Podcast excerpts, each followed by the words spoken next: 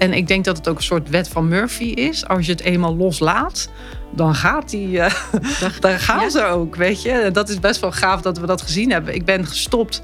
Nou, 1 maart heb ik mijn baan opgezegd. 1 mei, ik had natuurlijk een opzegtermijn van twee maanden.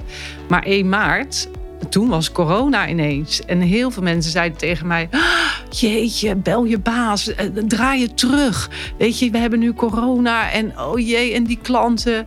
En toen dacht ik: Hoezo? Nee joh, dat, uh, dat gaat gewoon door, weet je. Die klanten, die mensen gaan wel scheiden. Zeker met corona gaan mensen wel scheiden. En toen had je wel de overtuiging van dat toen gaat komen. Precies. Toen, toen was je steady. Toen, toen ik het eenmaal losgelaten had, dacht ik: Nee, nu ga ik er ook voor. Van harte welkom bij de Ambitie Maakt Verschil podcast. De podcast voor ondernemende mediators en scheidingsprofessionals. Openhartig, eerlijk en puur. We gaan het hebben over uitdagingen, over tegenslag, groei, maar ook over de kansen. We laten ondernemers en experts in dit vakgebied aan het woord. Een inspiratiepodcast over business, ondernemen, bedrijfsgroei en persoonlijke groei. Want Ambitie maakt verschil. Hiske Zuiderwijk en Ensis Verwij hebben zich jarenlang ingezet als schoolmaatschappelijk werker. Ze hebben ruime ervaring in het begeleiden van kinderen, jongeren en hun ouders. Vanuit hier is hun drijfveer ontstaan om het verschil te kunnen maken voor kinderen en ouders in een scheidingssituatie. Het idee ontstond om samen een onderneming te starten, waarin ze hun gedachtegoed en ideeën verder konden ontwikkelen. De knoop werd doorgehakt. Een besluit wat zeer zeker niet eenvoudig is. Vele dromen ervan, slechts een aan te voegen daad bij het woord. Hiske nam als eerste de stap, beëindigde haar dienstverband en begon met bureau Zuidwijk en Verwij. Ensis besloot langer in loondienst te blijven. Toch begon hun onderneming steeds meer van hun te vragen. En ook Ensis besloot er volledig voor te gaan. In coronatijd diende zij haar ontslag in. Van de mensen om haar heen kreeg ze veel reacties over of dit nu wel zo verstandig was, zeker in deze tijd. Toch is zij er volledig van overtuigd dat dit de koers is. Samen ondernemen is ook samen groeien en samen durven. Hoe doen zij dit? Hoe bouw je samen een onderneming op? Maar ook, hoe gaan zij ermee om als het even niet zo lekker loopt? Wat is het geheim? Zij zijn klaar voor de toekomst. Luister naar het verhaal van deze twee ambitieuze ondernemers die hun krachten op een goede manier hebben weten te bundelen. Ik wens je heel veel luisterplezier. Wil je misschien even kort voorstellen, Hiske? Ik ben Hiske Zuiderwijk. Ik heb samen met Ensis eh, de praktijk ZV scheidingsspecialisten. Ik eh, ben moeder en ik ben getrouwd met Emiel. Ja, mooi. En Ensis? Nou, ik uh, ben Ensis Verwij. En uh, nou ja, inderdaad, wij zijn samen ZV-scheidingsspecialisten. En ik heb een zoon, Sam, en uh, ik ben getrouwd met Marco. Ja, en jullie hebben op een dag besloten om samen het bedrijf te gaan starten, hè? de scheidingspraktijk.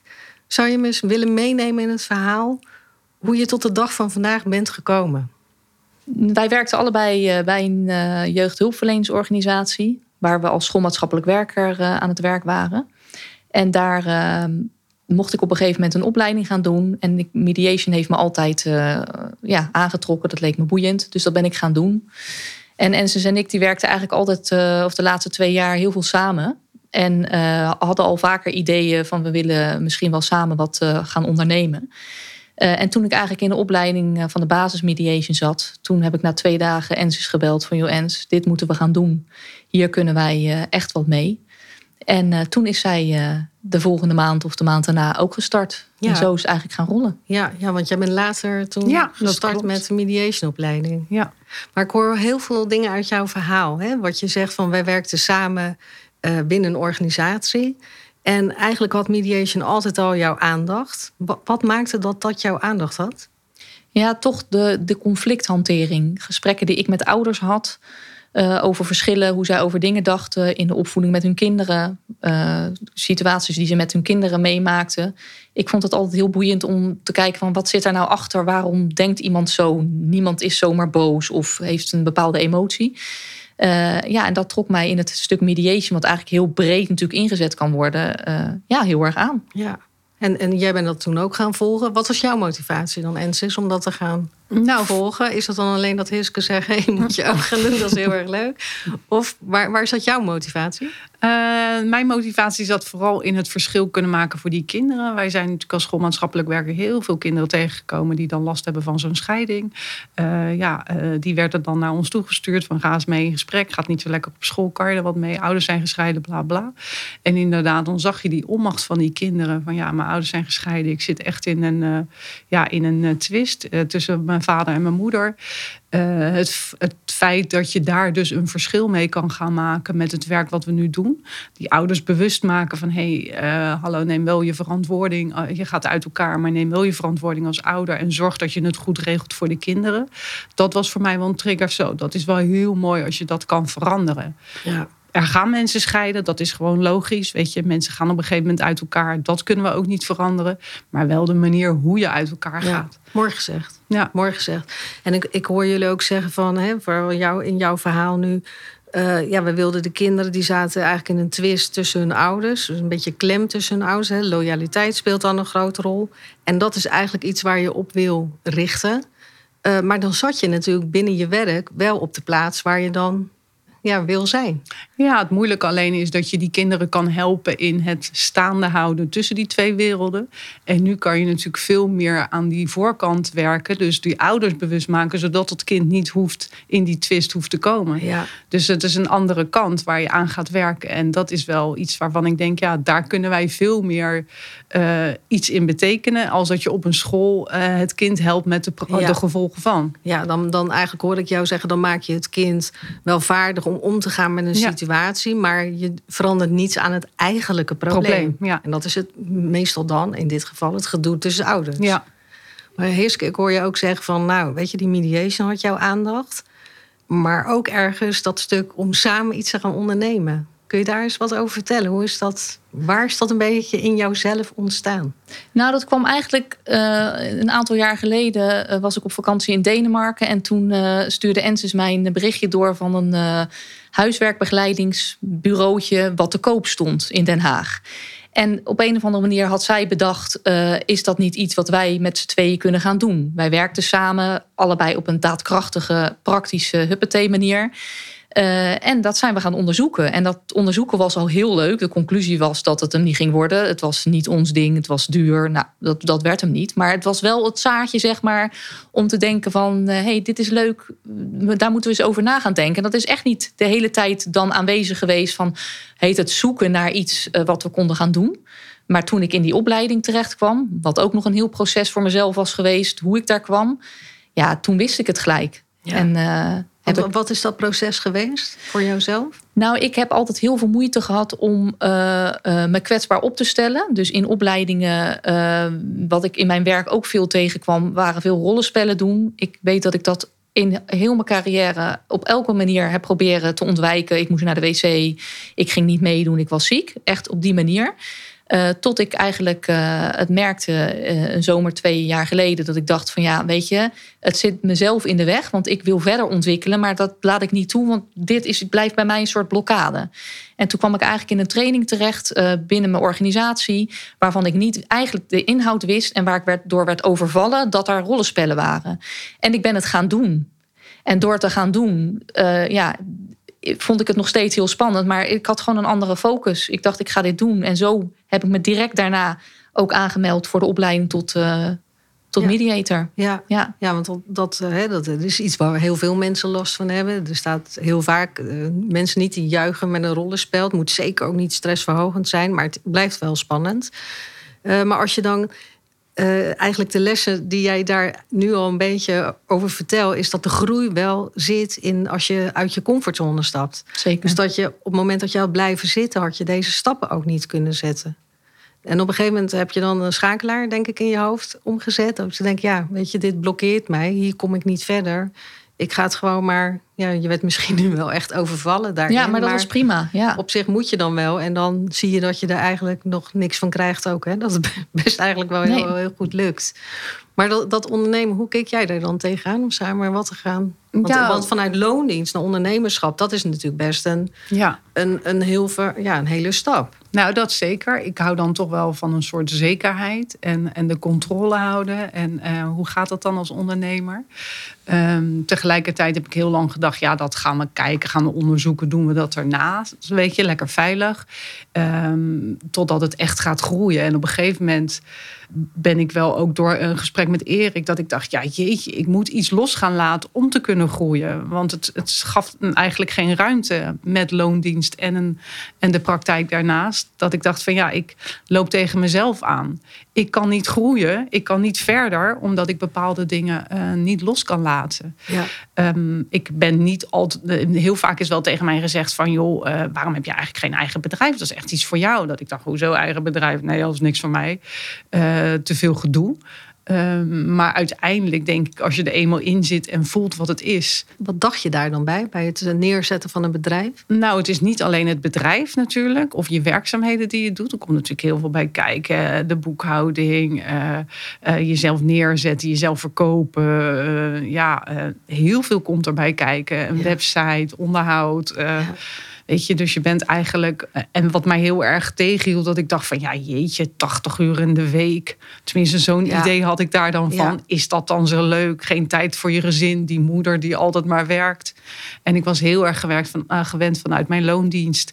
Ik was alle vakanties vrij. Ik kon mijn ja. diensten best wel goed aanpassen aan mijn zoon. Wat natuurlijk altijd fijn was, want ik was er gewoon ook altijd voor hem. En dat geeft nu wel eens dat ik denk, hij is wel gelukkig wat groter. Maar je bent wel hard aan het werk. Ja, ja. Nou ja ik denk dat dat, het is altijd wel een hele uh, mooi om te horen. Ik heb zelf een beetje hekel aan het woord. Ik vind het altijd een beetje zo'n jeukenwoord. Het woord balans. Hoe jij de balans houdt met werk en privé. Het valt me ook vaak op dat het vaak aan vrouwen wordt gevraagd. En meestal ja. niet aan mannen. Maar goed, dat is een gegeven.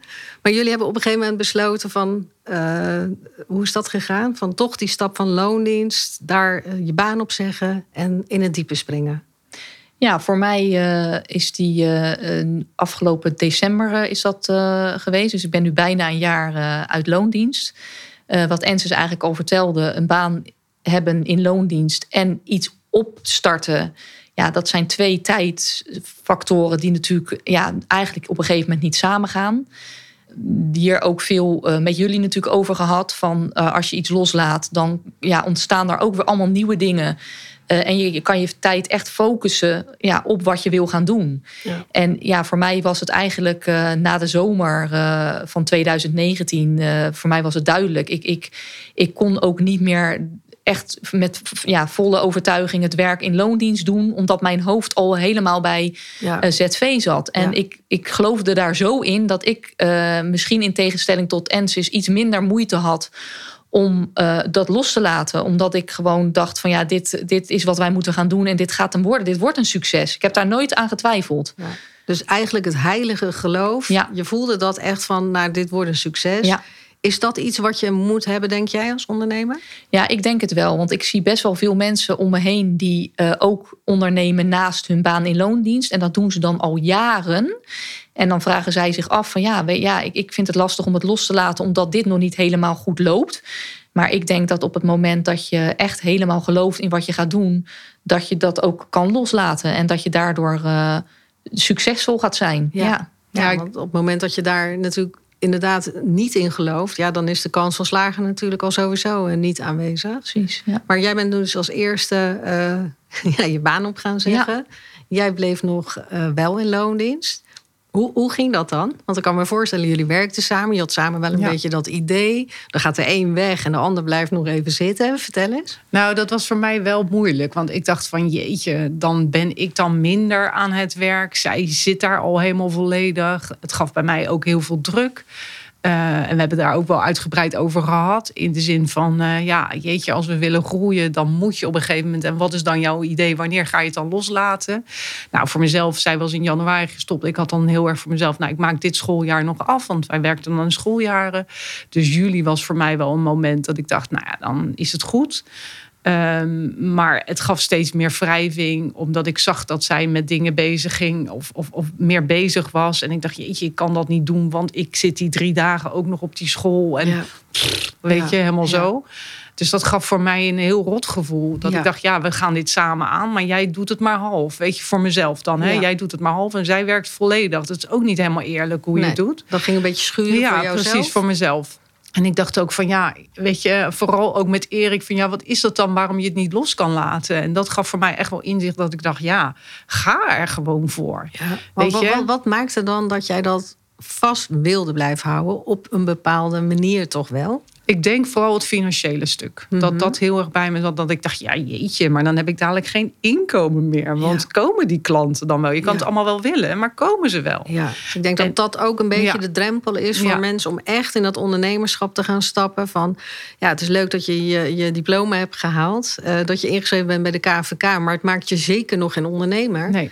En uh, ja, dan heb je alles uh, op orde, je website en je kaartjes. Maar van waar zijn die klanten? Ja, Hoe doe je dat? Vooral dat. En ik denk dat het ook een soort wet van Murphy is. Als je het eenmaal loslaat, dan gaat die, uh, dan gaan ze ook, weet je. Dat is best wel gaaf dat we dat gezien hebben. Ik ben gestopt. Nou, 1 maart heb ik mijn baan opgezegd. 1 mei, ik had natuurlijk een opzegtermijn van twee maanden. Maar 1 maart toen was corona ineens. En heel veel mensen zeiden tegen mij: ah, Jeetje, bel je baas, eh, draai je terug. Weet je, we hebben nu corona en oh jee, en die klanten. En toen dacht ik: Hoezo? Nee joh, dat, uh, dat gaat gewoon door, weet je. Die klanten, die mensen gaan wel scheiden. Zeker met corona gaan mensen wel scheiden. En toen had je wel de overtuiging van dat toen gaat komen. Precies. Toen, toen was jij steady. Toen, toen ik het eenmaal losgelaten had, dacht ik... nee, nu ga ik er ook voor. Is dat iets, als je nu terugkijkt, hè, en met de wetenschap die we vandaag hebben, is het al heel makkelijk om terug te kijken. Had je het dan al eerder, eh, als je het nu weet, hè, had je het dan al eerder gedaan? Ja, want het grappige is dat ik wel vaker nu... We hebben wel eens momenten dat je denkt, hmm, waar blijven ze? Of uh, hebben een week even niemand. Uh, dat ik dan zeg tegen Hiske, joh, doe even normaal. Uh, tuurlijk. Nou, die staan volgende week wel weer hoor. Dat ik dat heel veel sterker nu heb. Ja, tuurlijk komen ze. Ja. jezus, laat even die telefoon liggen, want ik heb nu even geen tijd.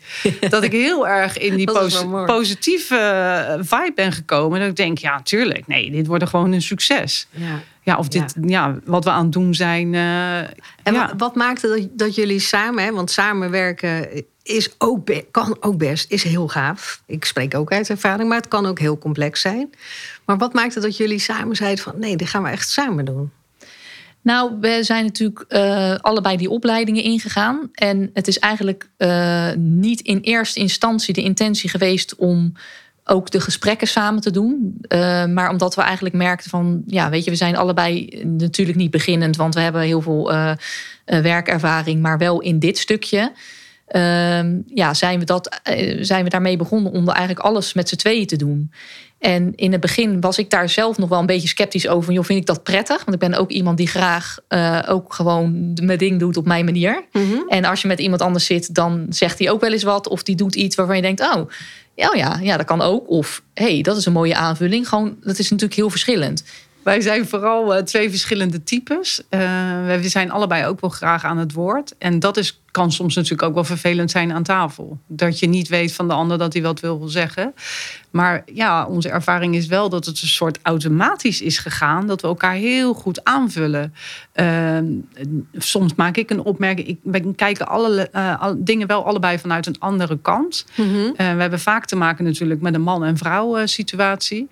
Um, ik ben vanuit mijn achtergrond, nou ik wil niet zeggen een man geworden, maar ik snap heel veel mannen hoe ze denken. Het praktische uh, tussen 16 jaar tussen mannen gezeten te hebben, snap ik ze heel vaak. Dus heel vaak kunnen wij achteraf ook weer met elkaar denken: ja, nee, maar ik snap hem. Of, en dan geef ja. Hiske, ja, maar ik snap haar ook. Weet je, dus dat is heel. Dat levelen met Precies, elkaar. Dat is maar een... hoe gaan jullie dan mee om als je even wel wat Hiske zegt, of wat jij zegt van ja, weet je, we, we praten allebei en dan uh, pakte een de bal terwijl jij net de bal wilde pakken. Hè? Als ik het even in zo'n uh, beeld mag zetten. Uh, hoe ga je daar dan mee om?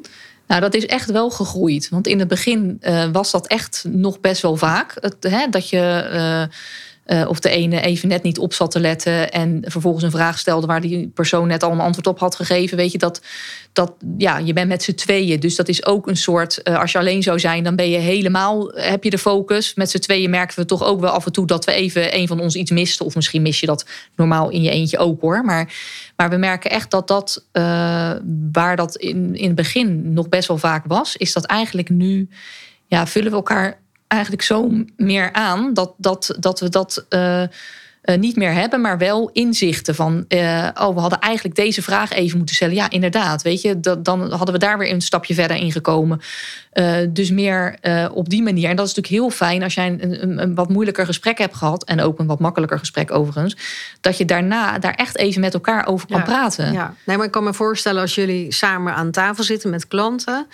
Uh, en je denkt van, hé, hey, maar ik had even die kant op gewild... en jij loopt nu even de keihard de andere kant op... dat dat ook een beetje kan ja. uh, irriteren bij jezelf. Hoe gaan jullie daar dan mee om?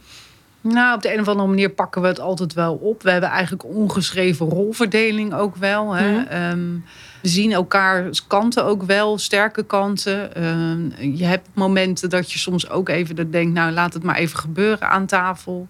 Um, ja, het, is eigenlijk een beetje een soort van zelfsprekendheid hoe het loopt. Hè. We hebben daar niet heel veel. Uh, we bespreken wel vaak vooraf aan het gesprek van, nou oké, we gaan er zo in. Dat doe jij, dat doe ik, weet je. Dus die rolverdeling is wel vanaf het begin wel duidelijk. Met de kennismaking ook. We hebben daar altijd wel een beetje zelf al, uh, nou dat stukje doe jij, dat doe ik. Um, en als je voelt van, oh, die vergeet jij even, dan vul je me even aan. Ja, dus jullie raken echt, uh, wat ik jullie bij hoor zeggen, heel erg ingespeeld op elkaar. Ja, ja. maar er zijn natuurlijk ook situaties wat jij zegt, uh, dat je dan denkt: hé hey Gert, ik had net even die kant opgewild. Of uh, ik zeg nu dit en jij zegt nu dat, waardoor het net even niet zo lekker loopt. Dat zijn altijd dingen die we daarna echt met elkaar bespreken. En dat hebben we sowieso in die twee jaar altijd gedaan. Ook twijfels die we even hadden: van zitten we op de goede weg? Willen we dit allebei nog? Door dat eigenlijk steeds wel echt met elkaar te bespreken, ook al gaat dat, is dat soms even confronterend ja, daardoor is het, ja, is het wel echt al wat het nu is. En we kunnen natuurlijk echt nog een heel eind groeien. Maar ik ja, ben daar wel echt trots op hoe we dat. Uh, ja, zeker. Ja, nee, maar dat... zeker. Dat is ook, hè? Want samenwerken, dat kan elkaar versterken, maar ook elkaar uh, uithollen. Hè? Dat je de zuurstof pakt bij de ander. Of ja, je lift de ander. Dus dat je ook even de ander de positie gunt. En ik denk inderdaad wat je zegt, dat het super belangrijk is om en vaak te evalueren. Van zitten we nog op de goede weg? ik vond dit even niet zo prettig. Dat je het continu wel niet onder de huid laat komen. Nee, zeg maar. Want dat is, zie ik vaak in samenwerkingsverbanden ook best wel misgaan. Dat mensen denken, nou, ik zout het toch maar op.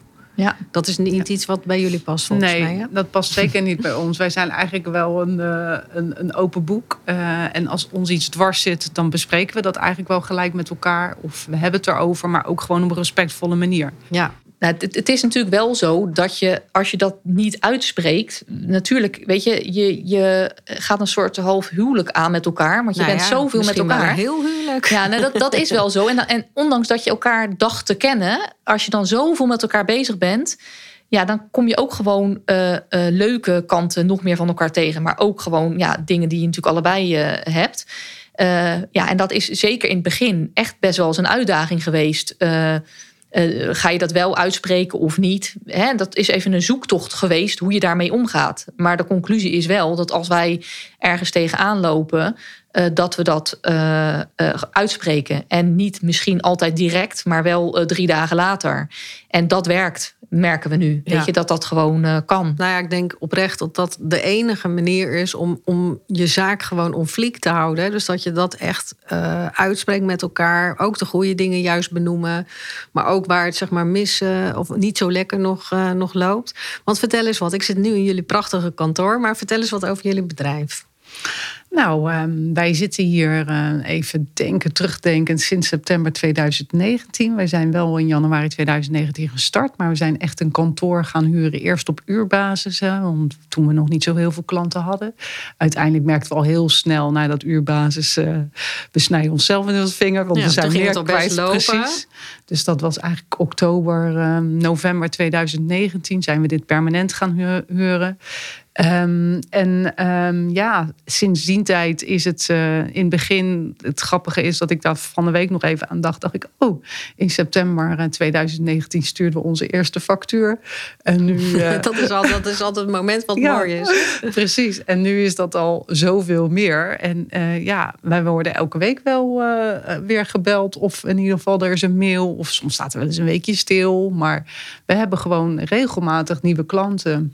Ja, de loop gaat al goed ja, en, en, en, waar richten jullie je op? Want ik zie hier hele mooie posters hangen van ouderschap naar scheiding, kinderkosten, communiceren, hele mooie tekeningen ook erbij. Wat is jullie doelgroep? Waar richt je je op? Nou, onze doelgroep is eigenlijk ouders die het goed willen regelen, de scheiding voor de kinderen. Ehm, vooral het voor de kinderen goed willen regelen. Dus de kinderen zijn voor ons wel een beetje het paradepaardje. Ja, dat is het centrale middelpunt Precies. waar jullie je hart voor willen Ja. maken. Ja. Want waar komt die passie dan zo vandaan? Nou ja, wat Ensis al eerder vertelde, hebben we natuurlijk heel veel eh, ehm, kinderen gesproken in het werk wat we hiervoor deden. eh, waarbij we ja, gewoon merkten dat, eh, dat dat of niet goed was verlopen, of kinderen die daar middenin zaten. Ik kan zo echt twintig voorbeelden noemen van situaties van kinderen. Ja, weet je, wa- wat echt anders had gemoeten. En waarvan ik ook van overtuigd ben dat ouders dit zo ook niet willen. Maar door situaties wat opstapelt, communicatieproblemen die er vaak in het huwelijk ook al waren, die lossen zich natuurlijk niet daarna in één keer op. Nee, die worden juist denk ik uitvergroot. Ja, dat hè, denk in ik ook. situatie. En, eh, en, en ja, dat dat eh, echt een iets is ja, waar wij eh, aandacht voor hebben. En dat we dat ook uitleggen aan ouders. En ook even checken altijd van, joh, hè, want we zitten hier volgens mij wel met hetzelfde belang, de kinderen. Ja, en dan zegt er nooit een ouder nee, nee, zeker niet. Want, hè, dus iedereen heeft dat. Alleen hoe kom je daar? Hè, hoe kom je tot eh, goed ouderschap na scheiding, de communicatie verbeteren, die altijd eigenlijk best wel moeizaam verliep. Ja, daar is eh, de intentie die ze daarover uitspreken, is voor ons voldoende om, om daar met hun eh, aan de slag mee te gaan. Ja, want jullie hebben je daarna echt gespecialiseerd van mediator tot nu echt allround scheidingsspecialist. Eh, dus dit is echt de doelgroep waar jullie je hart voor willen maken, waar jullie ook onderscheidend in zijn. Praat je ook met kinderen? Ja, we praten ook met kinderen. We bieden altijd een eh, kosteloos gesprek aan eh, in het gehele traject. Ehm, en ja, dat zien wij wel echt als meerwaarde, omdat ouders heel erg eh, twijfelen over: ehm, gaat het wel goed komen met mijn kind? Nu we dit uitgesproken hebben, Ja. we zien hoe ze reageren. Ehm, ja, eh, nou ja, twijfels heel veel. Eh, hebben ze er echt heel veel last van? En wij zien dan wel in gesprekken met kinderen, ja, die ervaring hebben wij dan. Dat is ook echt Ja. een meerwaarde. Want ouders zeggen ook, jeetje, dat je dat er na één gesprek al uitkrijgt. Of eh, ja, hoe, hoe zo'n kind zich al Ja. op zijn gemak voelt na, na één keer. Eh, we halen er gewoon heel veel uit. En heel veel mooie dingen ook. En positieve dingen, maar ook negatieve dingen Ja. die we terug kunnen geven aan ouders. Waardoor ze weer een beetje in een, eh, ja, in Ja, een denkmodus rust. worden gezet. Maar ook wel van, oh, een bewustwording. Oké, dat moeten we misschien anders doen. Of, oh, wat fijn. Weet je, het gaat goed met ze. Of, oh, die zorgen zijn naar voren gekomen. Maar is dat ook het verschil met jullie vorige werk? Dat je zegt van ja, toen waren we meer met de kinderen bezig en konden we eigenlijk minder aandacht aan de ouders, terwijl daar de sleutel zit. Ja. Is dat nu het, het cruciale verschil ook een beetje in dit werk? Ja, dat denk ik wel. Ik denk dat je dit natuurlijk als mooi als aanvulling kan meegeven aan ouders. Van nou, dit zien wij, eh, dit horen wij. En eh, nou ja, weet je, doe daar eh, je voordeel mee. Ehm, in het werk als schoolmaatschappelijk werker was het vaak wel... oké, ja, dan moet je die ouders op school vragen. Die vader wil wel, die moeder wil niet. Weet je, en daar zat al best wel een groot probleem. Heel die scheiding wilden ze eigenlijk al niet meer aankomen... want het was allemaal zo slecht verlopen.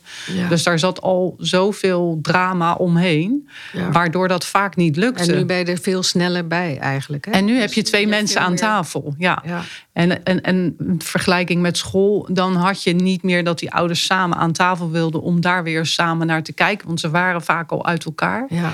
En nu kan je ze daar nog in begeleiden. Van wees je hiervan bewust. Of, nou ja, weet je, eh, we zien ook hele mooie dingen. Hè? Kinderen die bijvoorbeeld zich zorgen maken over waar gaat de cavia wonen. Het Ja. kan natuurlijk heel simpel opgelost Ja. worden. ja, maar Ja. voor een kind is dat op dat moment natuurlijk het probleem. Als jullie kijken naar jullie ambitie, zakelijk, persoonlijk, vertel eens, waar zit dat dan? Wat is je ambitie? Nou, op persoonlijk vlak is echt wel nog, nog beter hierin worden. Want eh, ja, op het gebied van de gesprekken met de kinderen. eh, natuurlijk, weet je, wij doen er alles aan om steeds eh, bijgeschoold te worden. hoe, we de, hoe we alles nog beter kunnen aanpakken. Maar die basis, die is er echt heel erg, kan ik wel zeggen. Maar als we het echt hebben, over het mediaten zelf. Dus hè, in conflict situaties, wat je gewoon toch veel ook meemaakt. Eh, ja, daar zijn we gewoon nog steeds echt, ja, logisch, maar lerende in. Ja. Eh, we, de- we denken vaak nog achteraf, oh, deze vraag hadden we ook kunnen stellen. Oh, als we dat hadden gevraagd, dan, dan zou dat die erkenning weer geven voor die ander. Eh, en dat nog meer eigen maken. Dat is wel echt voor mij wat ik echt heel belangrijk vind.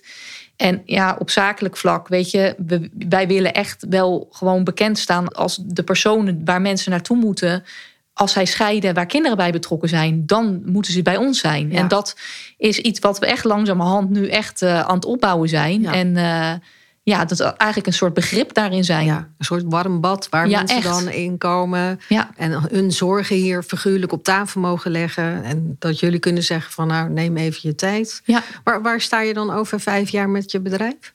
ja, dat vind ik een hele goede vraag. Ehm, Wat zie je voor je? Nou, ik zie voor me dat we dit nog steeds doen.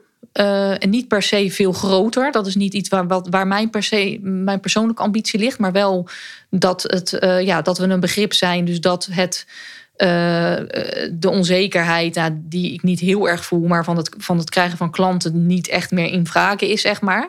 Maar dat we ook daarnaast ook eh, verder zijn gaan kijken. Bijvoorbeeld een- het wonen is voor ons ook een, een, een thema wat wij heel veel aan tafel zien. Mensen die geen woning kunnen vinden. Nou, daar zijn we ook heel erg over na aan het denken. Kunnen we daar dingen mee? Dus meer ook op, op andere vlakken die er allemaal mee te maken hebben. Eh, ja, eh, Kijken waar daar de kansen Ja, liggen en de precies. mogelijkheden. Ja. Waar je nog een stuk bij zou kunnen pakken. ja, ja, dat is mooi. En wat zijn jouw ambitie, Ensis? Nou, vooral op persoonlijk vlak ook wel hetzelfde. Ehm, wel, je ziet nu dat je soms nog wel eens gesprekken hebt dat je denkt, jeetje, hoe haal ik die angel eruit? Of hoe kan ik het ombuigen? Of eh, wat kan ik daar nog in betekenen? Dat, ja, daar zitten gewoon moeilijke gevallen bij. En dat is alleen maar fijn dat dat, dat er ook is. Maar het zou ook fijn zijn dat je daar veel meer mee speelt. Ja. En dat is En- ook een kwestie van heel veel vlieguren maken. Precies. En heel veel doen. Ja. Want alleen dan word je goed. Hè, Ja. Als je dingen heel vaak gaat doen en gaat fine-tunen. Ja, en dat vooral, wat jij zegt, goed worden in je vak. En, en niet meer schroom hebben van jeetje, nou een lastige klant aan tafel. Eh, hoe ga ik dat ombuigen? Dat je daar geen, nou ik wil niet zeggen angst meer voor hebt, maar dat je ook voor jezelf van overtuigd bent, nou die, eh, die pak ik ook even. Of Ja. die, die pak Ja. ik ook even aan, dat komt goed. Ja. En op zakelijk vlak, ja, wij zijn natuurlijk eh, hier in Zoetermeer hebben we een, een, eh, een vast kantoor. Wij zijn ook actief in de regio Alphen aan de Rijn. En ik denk dat ik het ook wel, nou ja, op zakelijk eh, vlak heel leuk zou vinden dat we zowel een kantoor hier hebben, een vast kantoor en in Alphen. Waarin we natuurlijk heel erg moeten blijven zoeken hoe we die samenwerking eh, hebben. Dat doen we nu al. Eh Jiske is veel meer eh, ook in de regio Alphen en ik ben hier in Zoetermeer. Ehm, maar dat we daar ook in groeien. En ik heb ook niet echt de ambitie om eh, ZV landelijk te gaan worden. Mhm. Ehm, maar wel ehm, een mogelijkheid nog met iemand erbij. Of ehm, ja, zo in die. eh, Ja. Maar wel een goed lopend bedrijf. Ja. Waar we gewoon eh, ja, geen angst meer hoeven te hebben van oh, komen de klanten wel. Of Ja. maar dat het eigenlijk een eh, dat- vanzelfsprekendheid dat is. Dat is wel weer iets wat echt natuurlijk enorm bij ondernemen hoort. Hè. Continu denken van, ja, hoe krijg je toch die, die, die klantencontinuïteit eigenlijk goed, goed erin? Waar zijn jullie tegen aangelopen in het begin? Hè? Want eh, elke level nieuw devil. Hè? Dus eh, geloof mij, als je blijft groeien als ondernemer, elke keer sta je weer voor uitdagingen dat je denkt, ja, en nu? Hoe dan? Ehm, maar waar zijn jullie tegen aangelopen als je achteraf terugkijkt dat je denkt, nou, dat hebben we zo onhandig gedaan? Heb je daar valkuilen in gehad? Nou ja, onhandig weet ik niet. Maar wel, er komt. eh, je bent jarenlang in de loondienst heb je gewerkt. Daar wordt alles, de randzaken zijn gewoon geregeld. Dus dat is, je gaat naar je werk en je gaat weer naar huis. En hierbij eh, is het natuurlijk zo dat er heel veel meer bij komt kijken. Inderdaad, hoe trek je klanten aan? Hoe zet je je marketing op? Eh, inderdaad, van de boekhouding, waar wij allebei geen kaas van hebben gegeten. En ik ook geen kaas van wil eten. Nee. Behalve de gewone cijfers, dit zijn ze. Eh, en zo eh, ja, kom je eigenlijk in aanraking met heel veel mensen. En iedereen heeft heel veel goede adviezen. Daar is nooit één weg die naar Rome leidt. Er zijn er 20.000, maar welke kies je dan? Ja, en wat past bij jullie? Zeker, ja. En dat is wel iets eh, ja, waar ik zeg niet dat we dingen gedaan hebben waar, waar, waarvan ik denk dat hadden we niet moeten doen. Maar je doet wel dingen. eh, overal je foldertjes neerzetten eh, of flyeren in een wijk. Dat ik denk achteraf, ja, dat is, dat is schattig dat we dat gedaan hebben. Omdat we gewoon dat een onderdeel op dat moment was van kijk wie wij zijn en dit dragen we uit. En dat vind ik eigenlijk ook heel mooi. Het is alleen zo kleinschalig. En nu is, zijn we daar niet mee bezig. Maar ben je gewoon vooral heel erg met je netwerk bezig van, van hoe eh, daarin te investeren. En dat is ook waar we eigenlijk alle klanten vandaan krijgen. Allemaal via via. Ja, want wat, wat heeft het ondernemerschap jou echt gebracht? Ja, toch echt vrijheid. Vrijheid in, in uh, zelf keuzes maken, zelf bepalen met NSIS, gaan we dit doen? ja, we doen het gewoon. Tot, nou, we doen het toch niet. Oh, dit hebben we gedaan, dit gaan we niet meer doen. Nee, je kan heel snel schakelen. Je kan heel snel schakelen, je kan het zelf bepalen. En in tijd is dat ook zo, ondanks dat je ja, de, de molen in je hoofd de hele dag wel doorgaat. Maar er zitten weken bij dat ik uh, heel veel tijd heb voor andere dingen. Uh, en er zitten weken bij dat het weer even knallen is. En ik vind dat eigenlijk heel prettig, want ja, je, je zit niet vast aan, aan tijden. Ik kan alles zelf indelen. Ja. Uh, en dat vind ik heel. Uh, maar het kan ook een beetje verwarrend wekken. Hè? Want mensen zeggen: Oh ja, ik wil veel, veel vrijheid. Dus ik word ondernemer. Terwijl, ja, ik weet niet hoe het bij jullie is, maar ik vind dat ik nog wel meer werkte als binnen ooit mijn baan. Uh, maar het is anders. Je hebt vrijheid van denken inderdaad. Dat is ik denk dat je ja. dat wel mooi omschrijft. Maar hoe is dat voor jou? Want jij gaf het aan van... nou, met jouw loondienst kon je heel goed de situatie thuis met je zoon... en je werk, zeg maar, heel goed uh, managen. Hoe is dat nu? Nou, ik moet wel zeggen dat ik nog wel steeds zoekende ben naar een balans. Want ik kan gaan, gaan, gaan, gaan. Denk, oh ja, ik heb ook nog een man en een kind.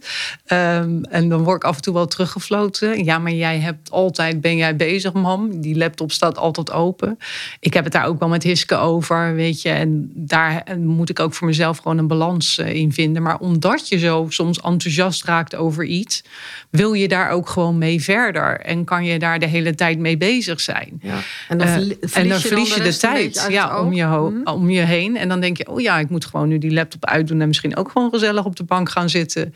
Ehm, maar goed, weet je, voor mezelf is dat wel een soort uh, dingetje soms. Want een, uh, een, ja, je bent werknemer en dan weet je, ik werk 35 uur of ik werk 40 uur. En ik ga gewoon naar huis, want het is klaar deze week. Maar als ondernemer uh, kan je door blijven gaan. Ja. En moet je voor jezelf ook gewoon die balans uh, vinden. En, maar ook gewoon bedenken: het is vandaag mooi geweest. Ik ga gewoon om twaalf uur stoppen. Nou ja, dat, dat is ook iets hè, wat ik bij veel ondernemers zie. Dan de, het idee dat ze denken van... ja, oké, ik moet nu knallen, ik moet werken, ik moet uren maken. Wat jij zei van die 80 uur, weet je. En ik heb nog maar heel weinig uur gemaakt. Maar daar zit het helemaal niet in. Het zit ook in efficiëntie. Het zit in focus. Dus als je hier zit, dan ga je knallen. Ben je thuis, ben je thuis. Ja. Uh, dus, maar dat zoeken om even die balans te pakken, dat is natuurlijk in het begin best een zoektocht. Ja, en ook gewoon heel erg met jezelf praten. Hè? Van ja, dit mag nu gewoon. Hè? Daar ben je ook ondernemer voor geworden. En je gaat nu gewoon op woensdag niet werken, want dan ga je naar de kapper en, uh, Precies, hè? en naar de pedicure bij wijze van spreken. En dat doe ik gewoon, want die keuze kan ik gewoon maken. En natuurlijk heb je dat even met elkaar te overleggen. Of joh, ik ben er vanmiddag niet. Terwijl als je op zondag denkt, goh, ik werk dit even uit, dan is het ook niemand uh, die in je weg zit. En dat is denk ik wel een beetje wat jij ook dan bedoelt met vrijheid. En vrijheid zit niet altijd in tijd, maar nee, meer precies. in zelfregie houden en beslissingen maken. Ja. Uh, welke tip zouden jullie dan startende ondernemers mee kunnen geven? Nou, ik denk wat ik wel heel erg belangrijk, uh, wat ook wel goed is om te doen, is jezelf wel overal laten zien. Erik zei altijd zaaien, zaaien, zaaien en dan oogst, oogst, oogsten. Eerst water geven. en eerst water geven. en even voor de luisteraar, Erik is Erik Baaiens, onze hoofdtrainer van AMV opleidingen. maar ik denk wel dat dat wel heel erg helpt, omdat je iedereen je verhaal uh, vertelt. En wij kunnen heel, uh, heel goed mensen enthousiasmeren. Dus um, het, verhaal brengen, de boodschap brengen waar wij voor staan, uh, dat is denk ik wel iets wat ons enorm geholpen Oké, dus tip is eigenlijk: weet waar je voor staat. Heb je verhaal gewoon op orde. Ja. Dan snappen mensen dat ook. Hè? En dan komt het sowieso, denk ik, wel heel uh, goed over als je enthousiast bent. Dat ja. is loop. Maar als je ergens heel erg van. Uh, ja, blij van wordt, dan ben je sowieso al bevlogen en enthousiast. Dus, ja. Maar heel strak je verhaal kennen. Ja, en ook niet schromen om met mensen in gesprek te gaan.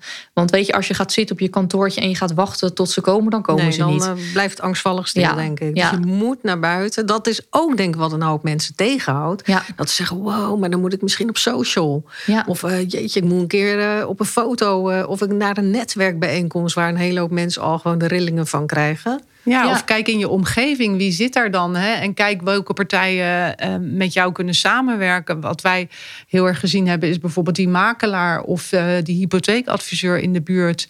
Uh, waar wij dan in aanraking mee kwamen. Dat we dachten, hé, hey, we, we, hebben daar een leuke klik mee. we gaan daarover nadenken. En nu zijn we daar ook alweer vervolgstappen over aan. Hoe kunnen we ja, nog meer met elkaar samenwerken? Maar ga daar langs, ga je verhaal vertellen. Want waar mensen scheiden, moet er ook een huis verkocht worden. En moet er ook een nieuwe hypotheek komen. Ja. mensen moeten naar notaris. Ga overal je verhaal in die lijnen vertellen. Dus en, zichtbaar worden, je verhaal goed En wat kennen. heb ik daaraan? Ja, wat, wat vertel die ander ook wat zij, uh, wat zij aan jou kunnen hebben. Of uh, hoe dat uh, eruit ziet. En inderdaad, je, je netwerk is heel belangrijk, denk ik, in dit vakgebied. Hè? Dus dat je goede ja, contact hebt waar je mensen naar door kan uh, sturen. Ja. ja. en in het begin vonden we dat wel echt, vooral ik ook wel, echt spannend. Omdat. Uh, uh, nou ja, zoals ik al eerder vertelde, niet, ik ben niet iemand die heel erg in de belangstelling graag staat. Hè? En, en, en op het moment dat je je verhaal gaat doen, zeker in een groep, nou ja, dan luistert iedereen naar je. Uh, maar je merkt, ja, als het goed is. Als het goed is, als het goed is wel. Maar je merkt, we merkten gewoon dat dat werkte. En dat zeker uh, als we mensen individueel spraken en ons verhaal vertelden dat we eigenlijk altijd te horen kregen: Jeetje, dit, dit, dit, dit ken ik nog niet. Weet je wat jullie doen? Ik ken zoveel mediators, maar dit wat jullie doen, ja, dat, dat is echt, dat wil toch iedereen die kinderen heeft. Weet je, dus, dus op die manier. En wat was dan het onderscheidende stukje ja, echt, waar ze op aansloegen eigenlijk? Nou ja, echt het stuk de kinderen betrekken, dus het kindgesprek voeren, maar ook eigenlijk dat het hele traject in in teken staat van de kinderen. Ook op financieel gebied, hoe we dat benaderen. Uh, maar ook het stukje kwaliteit leveren. Uh, mensen later nog uitnodigen. Als ze bij ons klaar zijn, is het niet van joh, klaar, deur dicht en de volgende. Uh, wij zeggen altijd, jullie kunnen altijd bellen. We zien jullie na een half jaar weer. En dat... ja, dat, dat, dat hele stuk, dat, dat spreekt mensen aan. Ja. Want het is gewoon een ingrijpende situatie in hun leven. Je loopt ja. toch een stukje mee in het leven ja. van, van de mensen. Je schrijft met ze een stukje geschiedenis ook, familiegeschiedenis zelfs. Dus als ze daarop terugkijken en dat ze ook terug kunnen vallen op jullie, dat is natuurlijk ja. super waardevol. Ja, je merkt ook wel gauw aan tafel dat mensen het ook wel als een soort van. Um, ik wil niet zeggen een warm bad, maar mensen voelen zich wel vrij en, uh, om hier hun verhaal te vertellen. Dus ze voelen zich ook uh, gehoord door, weet je, ze zijn niet alleen, maar ze voelen zich door, uh, door ons gehoord. Um, en dat maakt ook wel dat ja, het is gewoon heel toegankelijk hoe mensen hier hun proces uh, ingaan. Ja, want het is natuurlijk best een emotionele achtbaan ja, waar mensen ja, in zitten. Ja. En als het dan ja, toch op een goede manier wordt begeleid, als natuurlijk ja, voor de rest van ieders leven dan gewoon heel belangrijk. Dat ze daar, daarna weer uh, samen ouders kunnen zijn. Na scheiding. Ik denk dat daar het belang van kinderen zit. En dat stralen jullie ook enorm goed uit. Welke vragen heb ik nou nog niet gesteld wat je zou willen dat ik nog had gesteld? nou, um, nou, volgens mij heb je heel veel ja, vragen gesteld. ja. Of is er nog iets wat je zelf zou willen delen met de luisteraars? Um, nou ja, misschien voor startende ondernemers. Probeer ook gewoon uh, je eigen koers te varen, ondanks alle adviezen die je krijgt. Maar projecteer je ook gewoon op mensen waarvan je denkt, ja, die, die weten wat ik moet doen. Of weet je, die hebben goede ervaringen. En uh, probeer niet te veel naar iedereen te luisteren. Probeer je eigen pad te wandelen. Is dat, is dat ook iets wat jullie hebben ervaren? Dat toen jullie zeg maar hardop gingen uitspreken... Goh, wij gaan samenwerken, we gaan een bedrijf starten. Ja. Wat gebeurde er toen in jullie omgeving? Ja, wat waren de reacties? Nou, in, in mijn omgeving heel positief, omdat mensen dat al uh, wel hadden bedacht dat ik dat ging doen. Maar je krijgt natuurlijk ook heel snel uh, ja, ongevraagde adviezen regel je het wel goed? Heb je daarover nagedacht? Ja, natuurlijk heb ik daarover nagedacht. Ja. En dat is dan dat met name van mensen die dan niet per se ondernemer zijn, uh, soort van wat lastiger vind ik dat altijd. Maar uh, uh, in, ja, weet je wat Ense zal zeggen? Je krijgt zoveel ook ongevraagd advies. Maar kijk vooral naar de mensen waar jij vertrouwen in hebt. Ja, want dat kan je ook heel erg afleiden. Hè? Als je van alle kanten van ja. mensen die je kent, die het ook goed met je voor hebben, adviezen krijgt, dan kan je denken, ja, weet je, ze kent me wel of hij kent me wel. Dus zit ik nou nog wel op het juiste spoor? Zou ik het inderdaad wel doen? Kan je, kan je ook enorm gaan stagneren. Ja, dat zeker. Maar ik denk wel als je intentie er is om iets neer te gaan zetten. En natuurlijk zijn er altijd beren op de weg of uh, beren op je pad die je tegen gaat komen. Uh, maar het gewoon doen vertrouwen in jezelf, geloof in jezelf, denk ik dat je daar wel, uh, dat dat ook altijd wel een goede nou, ik denk dat motivator dat, is om door te gaan. Ja, en dat je dus zelf goed voor ogen hebt wat je wil gaan doen. Ondanks wat een ander zegt. Ja, precies. ja. Ja, en wat ik ook nog wel belangrijk vind om te noemen is dat uh, je hoort wel eens dat ondernemerschap, dat sommige mensen dat uh, de, zeg maar vanuit loondienst, waar je eigenlijk soort in een veilig bad zit met een team en zo. Als ondernemer dan uh, ja, ben je dan niet heel alleen. Maar eigenlijk is het mij echt opgevallen, juist alle ondernemers bij elkaar, wie ook wat doet, bloemenzaak tot schoonmaakbedrijf, het maakt niet uit. Je bent allemaal bezig met wat je leuk vindt en waar je voor staat. En dat is eigenlijk gewoon een hele nieuwe soort werk hoek waar je in terecht komt. Wat, uh, wat heel veel uh, weer brengt. Dat is echt heel positief, vind ik dat. Want welke kwaliteiten vind je dat, dat, dat je als ondernemer echt moet hebben? Want je ziet nu natuurlijk ook veel mensen die vanuit loondienst ontslagen worden. En die dan denken, ah, nou ja, weet je, ik kom niet meer aan de bak, dus ik ga me ondernemen. En die voelen niet die passie en drive wat jullie voelen. Ja. Ja, ik denk toch ook wel een soort creativiteit. Denken in kansen. want we hebben natuurlijk te maken met corona. Je zou kunnen denken, net als wat Ense zei... oh, toen ging ik net uit loondienst, oh jee. Ja. Uh, waarom, mensen die dan in de omgeving zeiden... waarom doe je dat nu? Uh, nee, weet je, dat, dat, is niet, dat maakt niet uit. Want we blijven zoeken naar uh, manieren om uh, om te kijken wat we, wat, hoe we onze ding kunnen doen. En ik denk dat dat voor mensen die, uh, die dat misschien nog niet zijn, doe vooral wat je leuk vindt. En ga, ga het gewoon doen. Ja, ja vooral dat vooral doen. doen. Dat, ja. dat vind ik mooi. En inderdaad, lukt het linksom niet, dan rechtsom, ja. bovenlangs of onderlands, zeg, zeg ik altijd. Maar er moet ergens een. En ik denk dat je dat ook jullie kenmerkt als ondernemers. Dat je continu ook aan het zoeken bent. Uh, wat je net ook zei met die woningen bijvoorbeeld. Dat je continu aan het kijken bent, oké, okay, waar kunnen we nog de kans? Waar zien we hem nog? Waar kunnen we uitbouwen? Ja, heel mooi. Ik wil jullie heel hartelijk bedanken voor het gesprek. Ik vond het heel leuk om eens een kijkje bij jullie in het bedrijf uh, te nemen. Dus uh, dank je wel. Graag gedaan. Graag gedaan.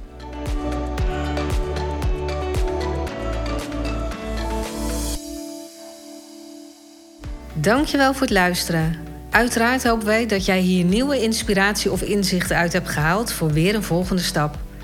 Als je met plezier hebt geluisterd en je bent nog niet geabonneerd op onze podcast, abonneer je dan via je favoriete podcast-app. Je kunt natuurlijk ook een review achterlaten. Daar zijn wij enorm blij mee. En als je vindt dat andere ondernemers naar deze podcast zouden moeten luisteren, deel deze podcast dan gerust met je netwerk. Wij zien nu al uit naar de volgende podcast. Dus graag tot de volgende keer. En weet, ambitie maakt verschil.